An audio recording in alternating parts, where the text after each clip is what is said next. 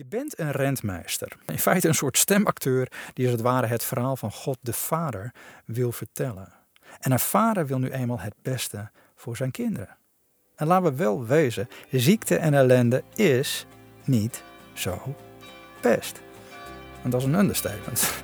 Een podcast voor kerkgangers, kerkverlaters en kerkelozen. Hagebreken.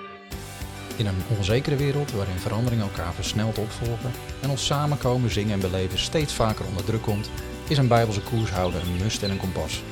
Tuurlijk, het is jouw leven, het is jouw schip, maar de beste stuurlui, die hebben een loods. Mijn naam is Benaya en ik vaar graag een handje met je mee. Hi, welkom weer bij Hagebreken. Ik eh, hoop dat je geniet van het zomerweer. Uh, uw gastheer is zelf uh, blij met een korte pauze van het zomerweer. Het is weer even wat draaglijker. En 23 graden in plaats van 30, dat is lekker. Kan mensen weer een beetje nadenken, denk ik dan altijd maar. En er is een boel om over na te denken. Want we hebben heel wat bekeken in dit seizoen van Hagebreken. We zijn natuurlijk al een tijdje bezig, hè, van januari tot bijna aan de zomervakantie. En ik heb via het thema leren leven met een gat in je hand rentmeesterschap een beetje duidelijker op de kaart willen zetten voor je.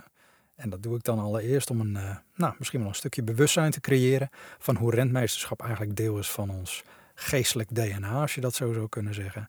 Maar ook hoe het zelfopofferende leven van onze Heer Jezus zich eigenlijk doorvertaalt naar ons eigen leven. Want ook dat is rentmeesterschap. Hè? Leren wat het betekent om te leven, om te geven. Dat is toch wel de essentie van rentmeesterschap. En, en dat kost je wat. Met, met name van jezelf natuurlijk. En tuurlijk, ik heb de vraag gehoord uh, om, om wat meer praktische handen en voeten. Wat betreft de materiële en financiële kant van rentmeesterschap. En daar denken mensen toch al vrij gauw aan. Maar zoals gezegd, daar heb ik al een groot deel van mijn boek aan gewijd. Het boek Leven om te geven, verkrijgbaar bij Gideon Boeken. Dus ik heb in dit podcastseizoen juist wat meer nadruk willen leggen op dingen die ik niet allemaal in één boek kwijt kon. En dat is kijken naar de oorsprong. Kijken naar de aard en de essentie van rentmeesterschap. Kort gezegd, het waarom en het waartoe. En uh, nou ja, dat waarom dat ontdek je al vrij snel. Tenminste, als je de vaderlijke natuur van God uh, onder de loep neemt en dat leert kennen. Want een vader geeft namelijk van nature. Geeft van nature van zichzelf aan zijn kinderen. En het is belangrijk dat wij als beelddragers van de schepper een juist beeld vertolken naar een wereld die eigenlijk een heel verminkt beeld heeft van zijn vaderschap. Hè, vanwege de zondeval. En een wereld die er momenteel ook alles aan doet trouwens om elke waarde, maar ook de kracht en de rol van een vader af te zwakken. En dat te bagatelliseren of zelfs uit te wissen. En daarmee ontkracht je ook het beeld van God de Vader. Want dat wordt dan onzichtbaar. Tenminste, als wij niet onze plekken nemen als rentmeesters. En ik geloof daarom dat een belangrijk deel van ons rentmeesterschap is om Gods rol als vader van de schepping opnieuw te onderstrepen en zijn hart te laten voelen naar mensen om ons heen. En nogmaals, dat wil niet zeggen dat God een man is en geen vrouw. Ik ga niet opnieuw een aflevering herhalen, maar dat heeft niets met gender te maken, heb ik het eerder over gehad. Maar hij is wel een vader.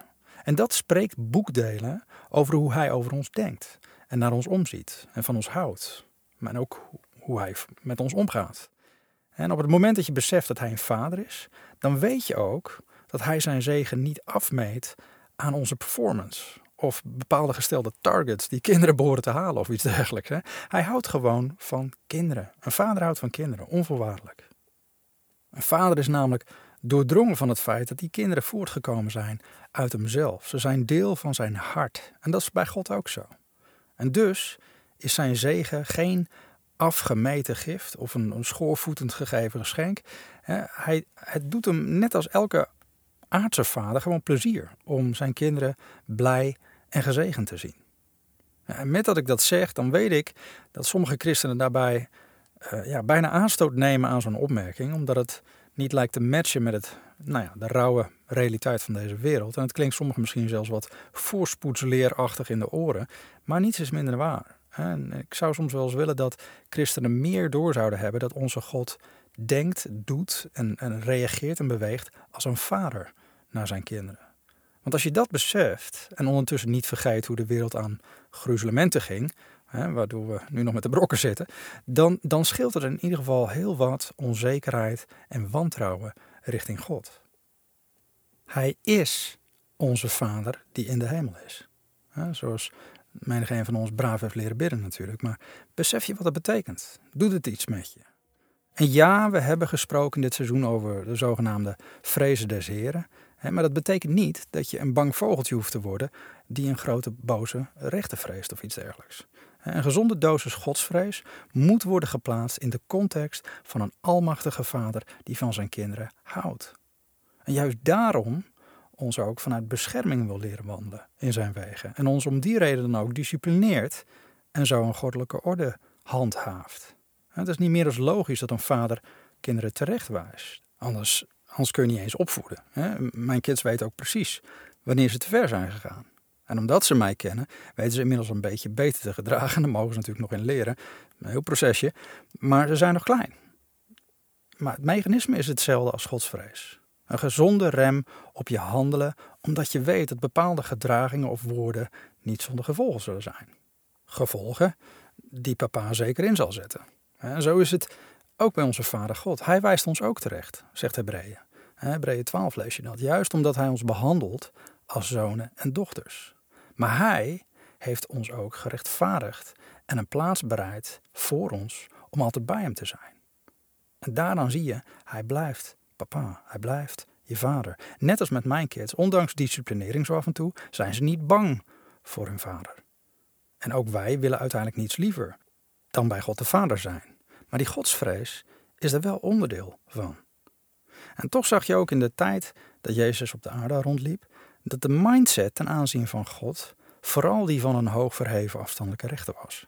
En zo vertolkten immers de Farizeeërs en de Sadduceeën de scherpe God.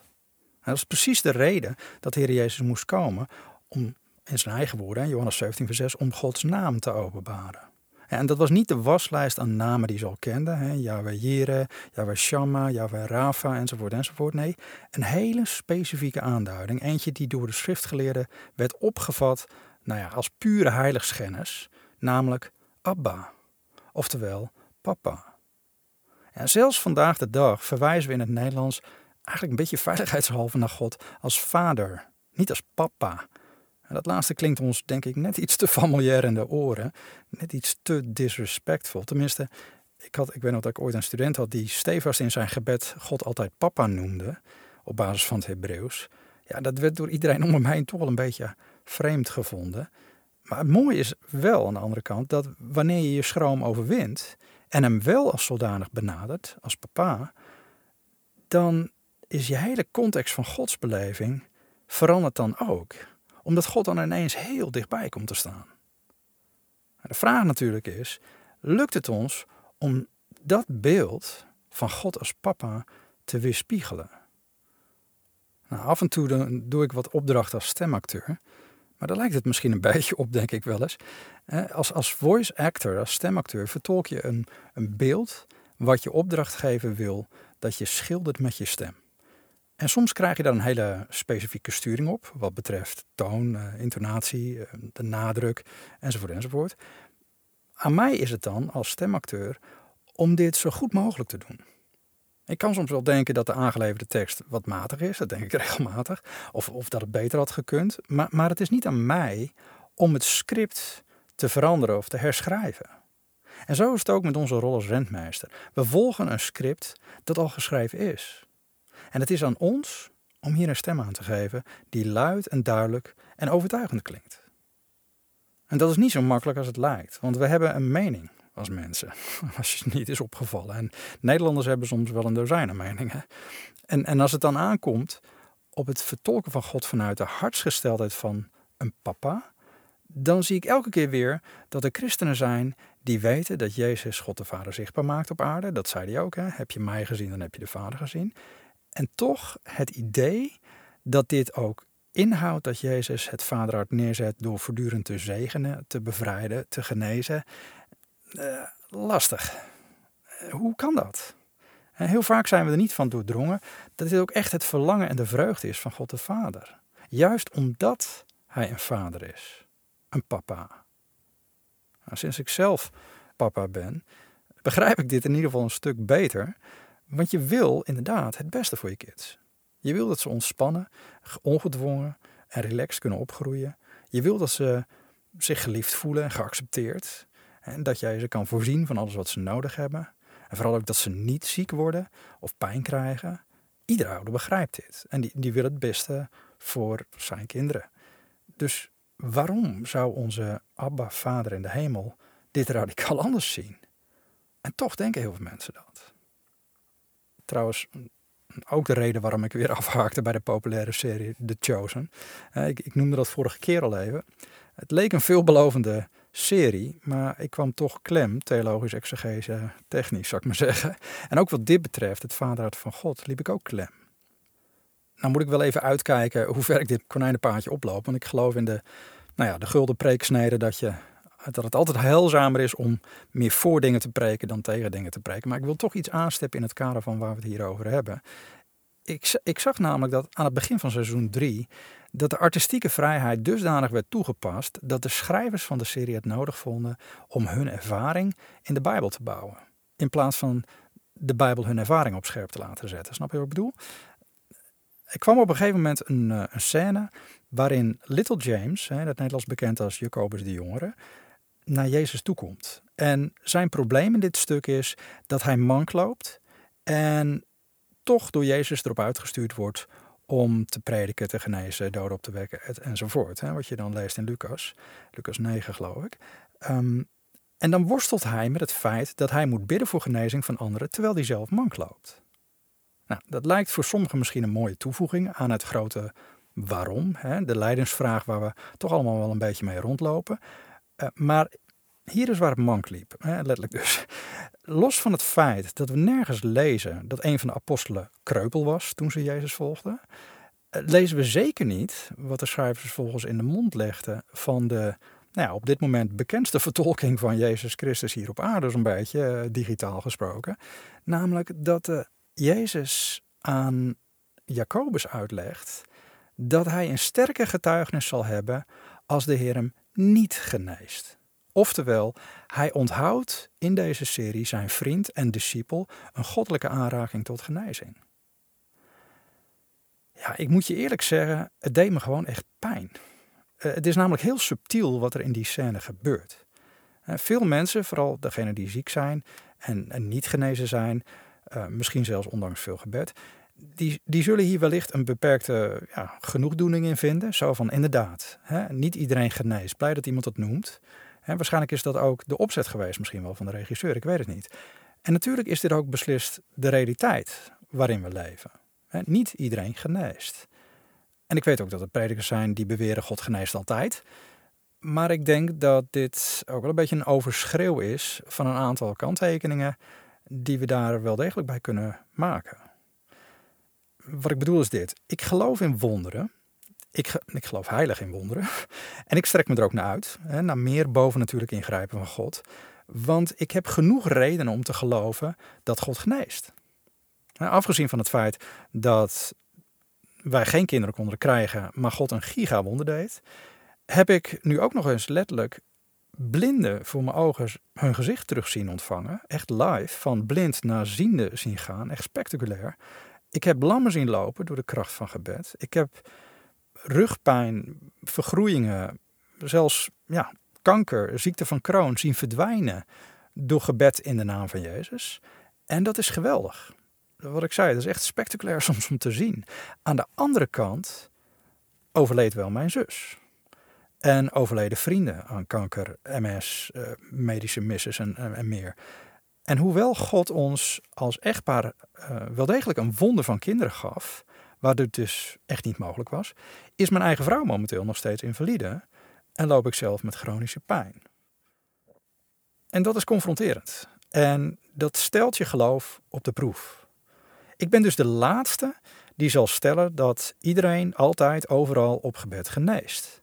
Want dit strookt in ieder geval niet met wat we vaak zien in ons dagelijks leven. Desalniettemin, om het uitblijven van een genezingservaring in de mond van de Heer Jezus te leggen. Terwijl we dit eigenlijk tig keer in de Evangelie lezen. Hè? Hij genas allen. Dat staat er echt heel vaak. Poef. Ik zou het niet durven. We lezen het namelijk nergens dat zo'n soort conversatie plaatsvindt tussen Jezus en iemand. Ehm, we zien het ook nergens in de Evangelie dat Jezus ook maar één persoon zegt: jou genees ik niet, zodat het getuigenis van je vasthoudend geloof, ondanks ziekte, groter zal zijn en anderen inspireert. Ja, het is enorm gevaarlijk om op basis van je eigen ervaring die woorden toch in de mond van God te leggen. Wat dus wel in de Chosen gebeurt, vandaar dat ik het even noem. Maar vooral ook omdat we weten dat toen de discipelen een keer voor het blok stonden, omdat ze een jongen niet konden genezen of bevrijden, dat de vader van de jongens een beklag deed bij Jezus over het feit dat zijn discipelen de klus niet konden klaren. Dat lees je in uh, Matthäus 17. En Jezus' reactie was toen niet, ja, maar soms laat ik mensen ziek of bezet zitten. Nee, hij gaf zijn studenten, zijn discipelen, gaf hij een standje. Ik pak hem er even bij voor je. Kijk hier. Hij zegt hier in Matthäus 17, in vers 17: O ongelovig en ontaard geslacht, hoe lang zal ik nog bij jullie zijn? Hoe lang zal ik jullie nog verdragen? Breng hem hier bij mij. En Jezus bestrafte hem, en de demon ging uit van hem, en het kind was vanaf dat moment genezen. Oftewel, feitelijk plegen we een stukje karaktermoord als we de Heer Jezus als oorzaak van een niet genezen van iemand neerzetten. Want deze persoon werd eerst niet genezen. In de Evangelie zien we dat nergens. We zien nergens dat de Heer iemand niet wil genezen. Sterker nog, als er een melaats op hem afkomt en zegt: Heer, als u het wilt, dan kunt u mij genezen. En dan strekt de Heer Jezus zijn hand uit en zegt: Ik wil het, wordt gereinigd en de man die geneest direct. Kijk maar naar, Lucas, volgens mij is het vijf. Ik zet het wel in de footnotes.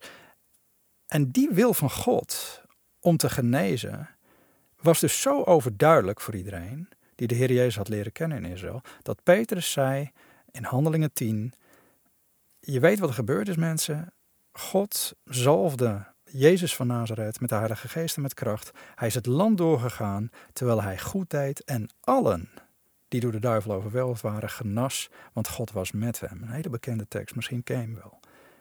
Wat ook helemaal strookt met alles wat er over hem was geprofiteerd. Want het kenmerk van de Messias was bekend. En een van de tekenen waaraan het volk de Messias zou kunnen identificeren was wonderen en tekenen, genezing en bevrijding. Vandaar dat als Johannes vraagt of, of Jezus echt de Messias is, of dat ze een ander te verwachten hebben, dat Jezus als keurmerk genezingen en bevrijdingen aanhaalt. Niet mensen ziek maken of ziek laten tot eer en glorie van God. Of ter bewondering van hun vasthoudend geloof, ondanks hun handicap of ziekte of iets dergelijks. En zoiets zou de Messiaanse profetieën tegenspreken. Snap je wat ik bedoel?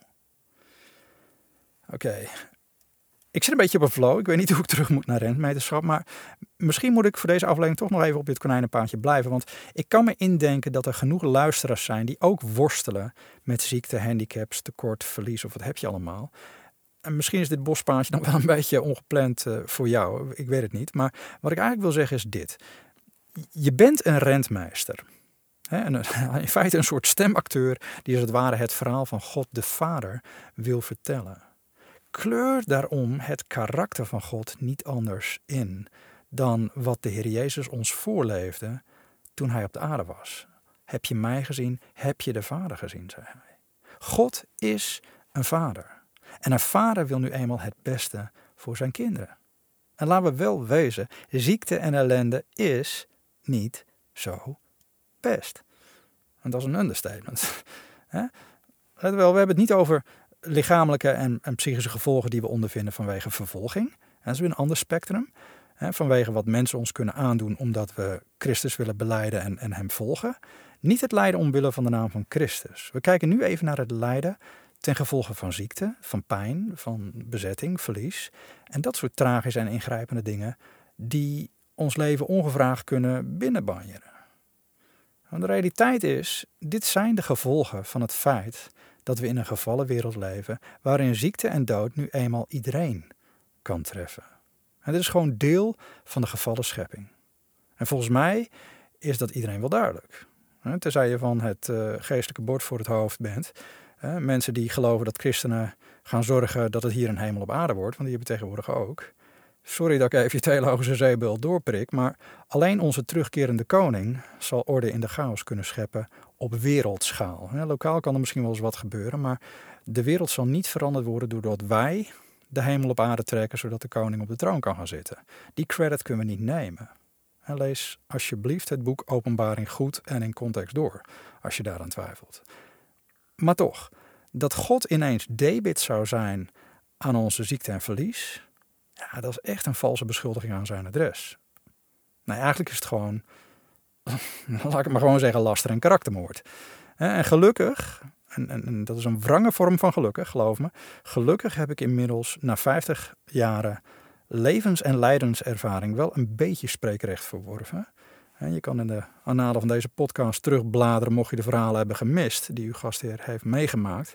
Het voegt hier nu niks aan toe om dat allemaal te gaan herhalen, want ik wil alleen dat je weet dat ik hier niet luchthartig over spreek. Wat ik wel zeg is, lieve mensen, laten we God niet in de schoenen schuiven waar wij debet aan zijn. Ja, ik heb mezelf toch niet ziek gemaakt, zeg je dan? Nee, dat klopt. Maar prediker zegt wel, wie een gat in de muur slaat, zal gebeten worden door een slang. En anders gezegd, wij braken de muur van veiligheid af in de Hof van Ede en de slang, de Nagash, pakte daarmee zijn kans. En daarom leven we vanaf dat moment in een wereld waar ziekte onderdeel van is. Helaas, maar het is zo.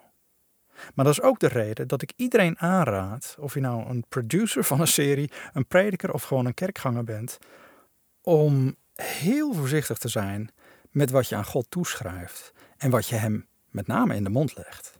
En vergeet niet dat dit de reden was dat Job boete deed in stof en as, het laatste hoofdstuk van Job, Job 42.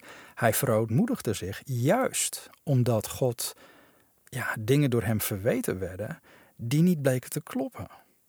Lees het maar eens na, het laatste hoofdstuk van het boek van Job. Job zat ernaast. Kijk, dat onze ervaring haaks kan staan op wat we weten dat God wil, ja, dat is wat anders. Dat hadden de discipelen ook, want nadat Jezus de jongeman genas, waar zij ook al voor gebeden hadden, namen ze hem even apart en toen stelden ze hem de hele herkenbare vraag: waarom konden wij dit niet doen? typisch de vraag die ons door het hoofd speelt als we hebben gebeden voor iemand, voor de genezing van een zieke, maar er gebeurt niks. Maar dan zegt Jezus heel duidelijk, ik pak hem er nog even bij, vers 20, vanwege uw ongeloof. Want voorwaar ik zeg u, als u een geloof had als een mosterdzaad, zou u tegen deze berg zeggen, verplaatst u uh, van hier naar daar en hij zou gaan. En niets zou voor u onmogelijk zijn. Hele bekende tekst. Vanwege uw ongeloof. Ja, maar dat willen we niet horen. Dat kan toch niet zo zijn?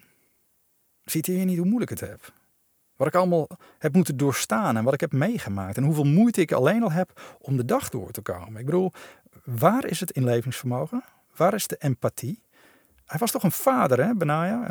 En een vader heeft toch wel door dat het niet zo makkelijk gaat als je in pijn, diepe depressie of verslagenheid zit vanwege je ziekte of aandoening. Ja, ja dat klopt.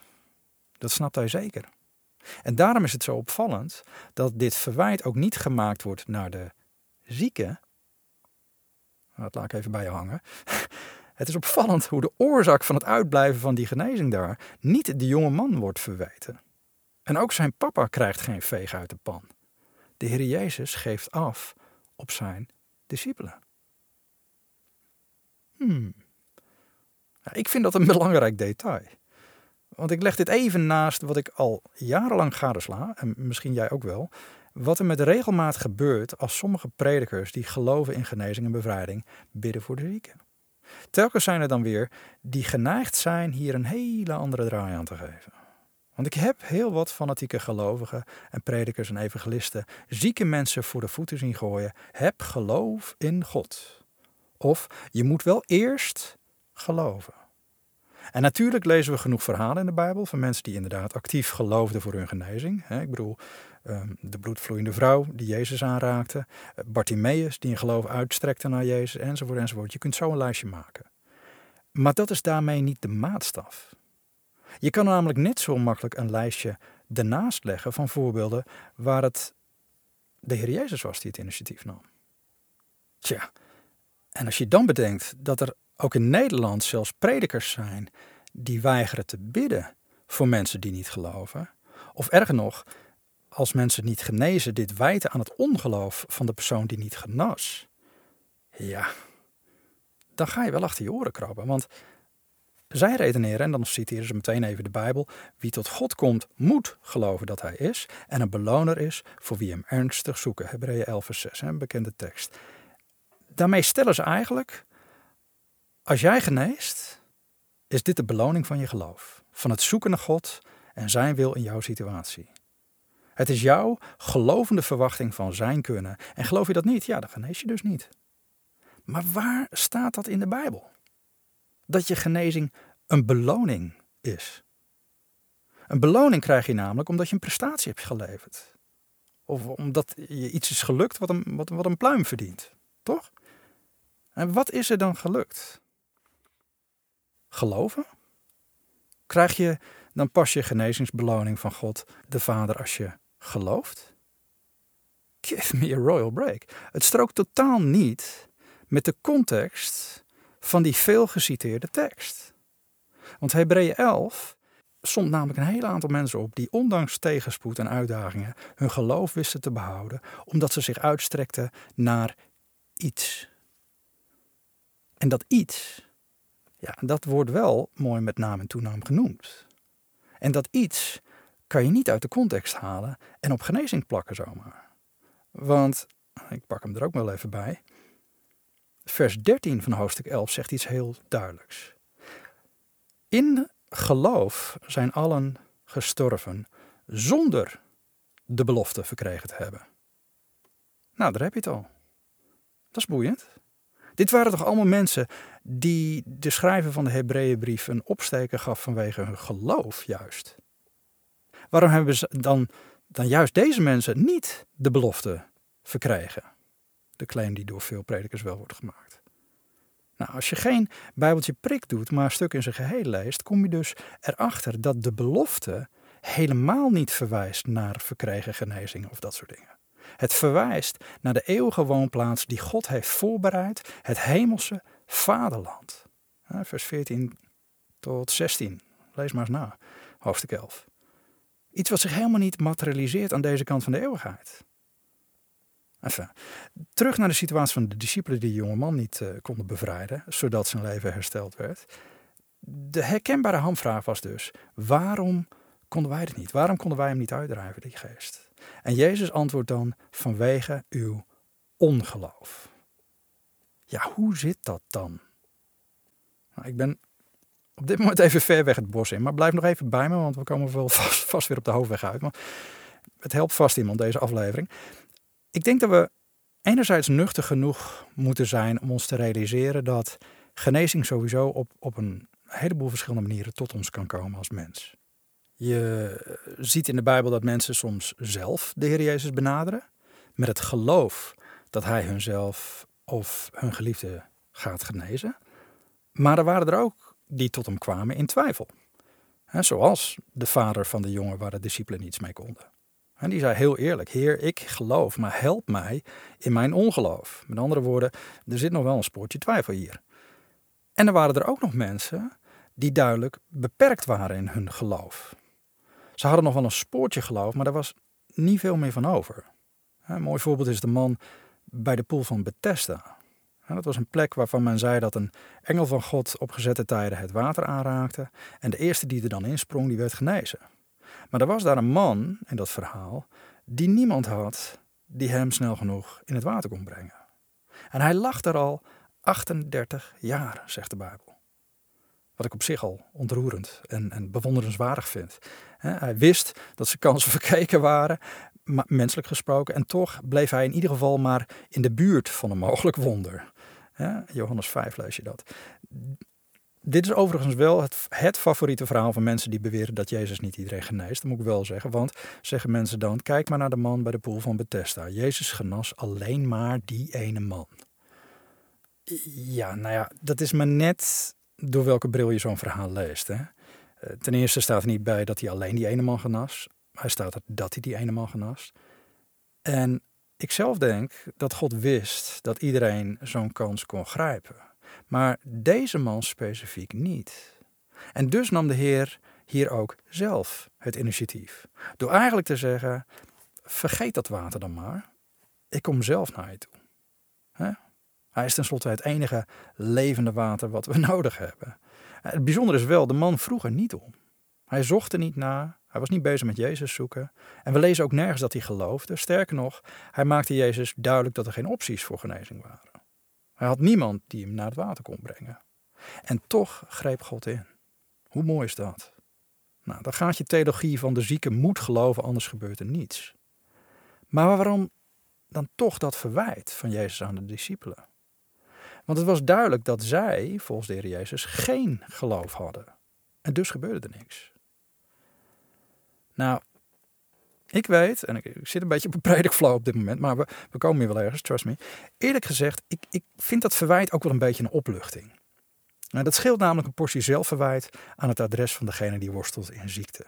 Want dit is wat menig prediker er dus niet bij vertelde. Dat je niet genezen ook nog wel eens debet kan zijn aan degene die voor je Auw. Maar niet hardop zeggen in de volgende genezingsdienst. Hè? Of, of misschien moet juist iemand, een prediker die het tegendeel beweert, toch maar eens zo ver zonder de neus wrijven. Vooral als er iemand met een kluitje in het riet wordt gestuurd vanwege ongeloof. Ja, ik, ik word er zelf altijd een beetje boos over, misschien merk je dat. Maar uh, geloven voor genezing vanuit je ziekte en met pijn is al zo'n enorme mind battle.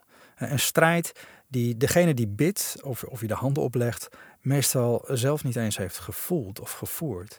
Maar een verwijt is dan wel het laatste wat je nodig hebt. Maar laten we wel wezen, er zijn ook andere voorbeelden, zoals de jongeling van Nain bijvoorbeeld. Wordt ook beschreven in de Bijbel, Lucas 7. Die was mors dood. En toen Jezus de begrafenisstoet zag met zijn moeder, ja, kreeg hij een brok in zijn keel. Ja, met ontferming bewogen staat er dan in Bijbeltaal, weet ik. Maar in, in normaal Nederlands betekent gewoon dat hij volschoot met tranen. En wat doet de Heer Jezus dan? Hij wekt hem op. Maar er was helemaal geen geloof van de kant van de jongen. Hij was morsdood. En ik garandeer je dat iedereen in de begrafenisstoet, inclusief zijn moeder, ook wel wat anders aan zijn hoofd had. En toch, bam, een gigawonder. En dat zou een les moeten zijn voor alle predikers die het uitblijven van een genezing of bevrijding willen verhalen op het ongeloof van degene die eronder lijdt. Nou, ik heb nu geloof ik vaak genoeg genoemd, maar de Bijbel is er heel duidelijk in. Niet de ontvanger van het wonder, maar degene die voor hem bidt, moet zich achter de oren krabben. En juist dat wordt bijna nooit gedaan. Een maand of wat terug was ik te gast in een gemeente.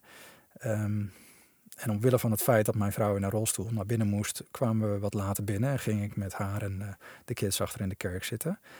En ook daar begon de gastspreker zijn preek met een soort van disclaimer. Namelijk dat het tekstgedeelte door zijn streamen is ons genezing geworden uit Jesaja 53 uh, niet per se sloeg op eh, letterlijke genezing. Daar verbaasde ik me meteen al een beetje over, omdat Matthäus ons duidelijk vertelt dat Jezus boze geest uitdreef met een enkel woord, dat hij alle genas die er slecht aan toe waren, zodat juist dat schriftgedeelte uit Jesaja vervuld zou worden. Hij heeft onze zwakheden op zich genomen en onze ziekte gedragen. Lijkt me glashelder zo'n tekst. Een letterlijke verwijzing naar Jezaja. Maar goed, de beste man gaf er zo zijn eigen draai aan. Hij beweerde dat zieken de oudste van de gemeente erbij konden roepen, verwijzen naar Jacobus 5. En dat die oudsten dan over hem een gebed zouden kunnen uitspreken en hem met olie in de naam van de Heer. En dat het gelovige gebed dan wel de leider gezond zou maken en de Heer hem zou kunnen oprichten als het in de timing van God ligt, voegde hij er nog even aan toe. Maar ja, dat laatste staat er helemaal niet in Jacobus 5.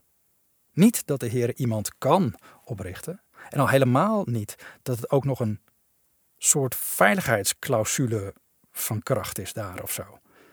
Nou ja, goed, ik hoef je niet te vertellen dat ik me volledig vrij voelde om mijn voor een wonder in geloof staande vrouw en mijn vier wonderkotertjes uh, stilletjes naar de uitgang te escorteren. Bij het horen van zoveel schriftuurlijke verkrachting. Ik dacht, typisch, typisch. Eigenlijk precies hetzelfde foefje dat sommige gebedsgenezers toepassen. Geneest de zieke niet, dan ligt het volgens sommige predikers aan het geloof van de zieke. En voor degenen die niet van dat genre zijn, kan je ook nog jezelf aan de luwte houden door te stellen dat gelovig gebed werkt wel, maar God is soeverein in zijn timing. Het uitblijven van genezing blijft daardoor heel geriefelijk, of bij de zieke, of het ligt aan God. Fijn. Lekker veilig. Alles maar om jezelf in de luwte te houden. Maar denk niet dat ik er niet in kan komen. Ik snap hem wel degelijk, want ik voel hem ook hoor. Ik baal zelf ook enorm als ik helemaal niks zie gebeuren. En je wilt niets liever als een soort handelingen deel 2, nietwaar? Wonderen bij de vleet, iedereen gezond, iedereen voorzien. Maar dat zien we nu eenmaal niet. En eigenlijk wil niemand van ons het juiste antwoord op de vraag: waarom krijgen we dit niet van elkaar? Wat ook de discipelen vroegen. Dat antwoord van de Heer Jezus zelf. Dat is te confronterend voor ons. Namelijk vanwege uw ongeloof. Dus het ligt aan ons mensen. Als wij bidden voor de zieken en er gebeurt niks, is het ongeloof van ons. Niet van God, niet van de zieken, van ons. Het ligt dus volgens de Heer aan ons. Boeiend. Ik denk dat we nog een lange weg te gaan hebben. Want de remedie die de Heer Jezus dan geeft aan zijn discipelen is: bidden en vasten, jongens, bidden en vasten. En misschien is dat wel beter. Eerst maar eens meer tijd doorbrengen met de Heere God. Misschien als we de prioriteit meer bij tijd met Hem leggen, dat we meer zijn vaderhart gaan voelen en Hem beter kunnen weerspiegelen als rentmeester. Huiswerk dus. Maar de vraag is ondertussen wel, wat doe je als je in het krachtenveld zit? Als je wel ziek bent? Als je niet bent genezen? Of als je nog niet bent genezen, maar omdat het je wel lukt om in geloof te blijven staan, of misschien niet eens dat, maar dat je alleen gewoon je, je hoop nog weest vast te houden. Of, of wat doe je als zelfs dat niet lukt? Nou, ik heb geen slimme of snelle antwoord op die vraag. Ik moet wel denken aan wat Toby Mac zei. Dat is een bekende zanger uit de tijd dat ik opgroeide met DC Talk destijds. Die, uh, die verloor in 2019 zijn zoon aan een overdosis drugs. En hij was totaal onbekend met de rauwe pijn en de nou ja, amputerende leegte, zou ik willen zeggen, van verlies. Maar hij kwam iemand tegen, voordat dit hem gebeurde, die precies dit had meegemaakt: het verlies van een zoon. En die man had zichzelf vastgegrepen aan de belofte van God. En toen hetzelfde met Toby gebeurde, dat hij zijn zoon verloor, toen belde deze man hem op en zei: Als jij door moeilijkheden gaat, dan moet je vasthouden aan iets wat je kan vertrouwen. Maar zorg er wel voor dat het iets is wat God ons heeft beloofd. Want als je door een dal van duisternis gaat, dan kan het zijn dat je probeert vast te houden aan iets wat God ons nooit heeft beloofd. En misschien probeer je vast te klampen aan het idee dat je, ja, dit, dit had mij niet moeten gebeuren. God is goed en het zou mij niet moeten overkomen in dit leven. Maar dat is niet wat God ons beloofde. We leven in een warzone. God heeft nooit gezegd dat we geen verlies zouden lijden of nooit ziek zouden worden. Maar, zo zei deze man, God belooft ons wel dat hij ons nooit zou verlaten. Toen ik dat hoorde, herkende ik het. En de emotie, de onmacht, het proberen ergens aan vast te houden, ik ken dat. Maar ik herkende ook mijn eigen frustratie. De momenten dat ik zat naast mijn dochtertje bijvoorbeeld toen ze ziek was. En ik bad voor haar en er gebeurde niets. En ik zag die vragende oogjes. Dat ik alleen maar een arm om haar heen kon slaan en haar niet alleen wou laten, maar bij haar bleef. Dan maar wat minder slaap die nacht. Maar ze had haar papa nodig. En ik had het hart niet om haar te verlaten tot ze sliep. Nou, deze aflevering duurt al veel te lang, maar ik hoop dat je ook mijn hart voelt hierin. Wat ik, wat ik zeggen wil eigenlijk is, hou vol. Of je nu ziek bent, of iemand verloren hebt, of je worstelt met depressie, of je staat in geloof voor iemand die je kent om te genezen. Hou vol. En we hebben elkaar ondertussen hard nodig in deze ruige wereld. En we hebben elkaar nodig om elkaar op te bouwen in geloof, om te versterken, uh, elkaar te versterken met het woord, om, om dat in herinnering te brengen. Soms om te geloven waar de ander niet kan, maar vooral om er voor elkaar te zijn. Want dat is ook rentmeesterschap. Momenten waarvan Jezus straks zegt: Ik had honger en dorst en jij hebt me eten en drinken gegeven. ik, ik was een vreemdeling, je hebt me onthaald. Gastvrij. Ik was naakt, je gaf me kleren. Ik zat in de gevangenis, je kwam op bezoek. En inderdaad, ik ben ziek geweest en jij hebt mij bezocht. Is het niet boeiend dat hij niet zegt: Ik ben ziek geweest en jij legde mij de handen op zodat ik genas? Misschien is het vaderhart van eerst maar eens naast iemand gaan zitten op dat bed tot diep in de nacht. de eerste stap die nodig is. Voordat we kunnen zeggen, ik ben inderdaad ziek geweest. Blijven luisteren, ook naar elkaar. Blijven koers houden, naar de woorden van God.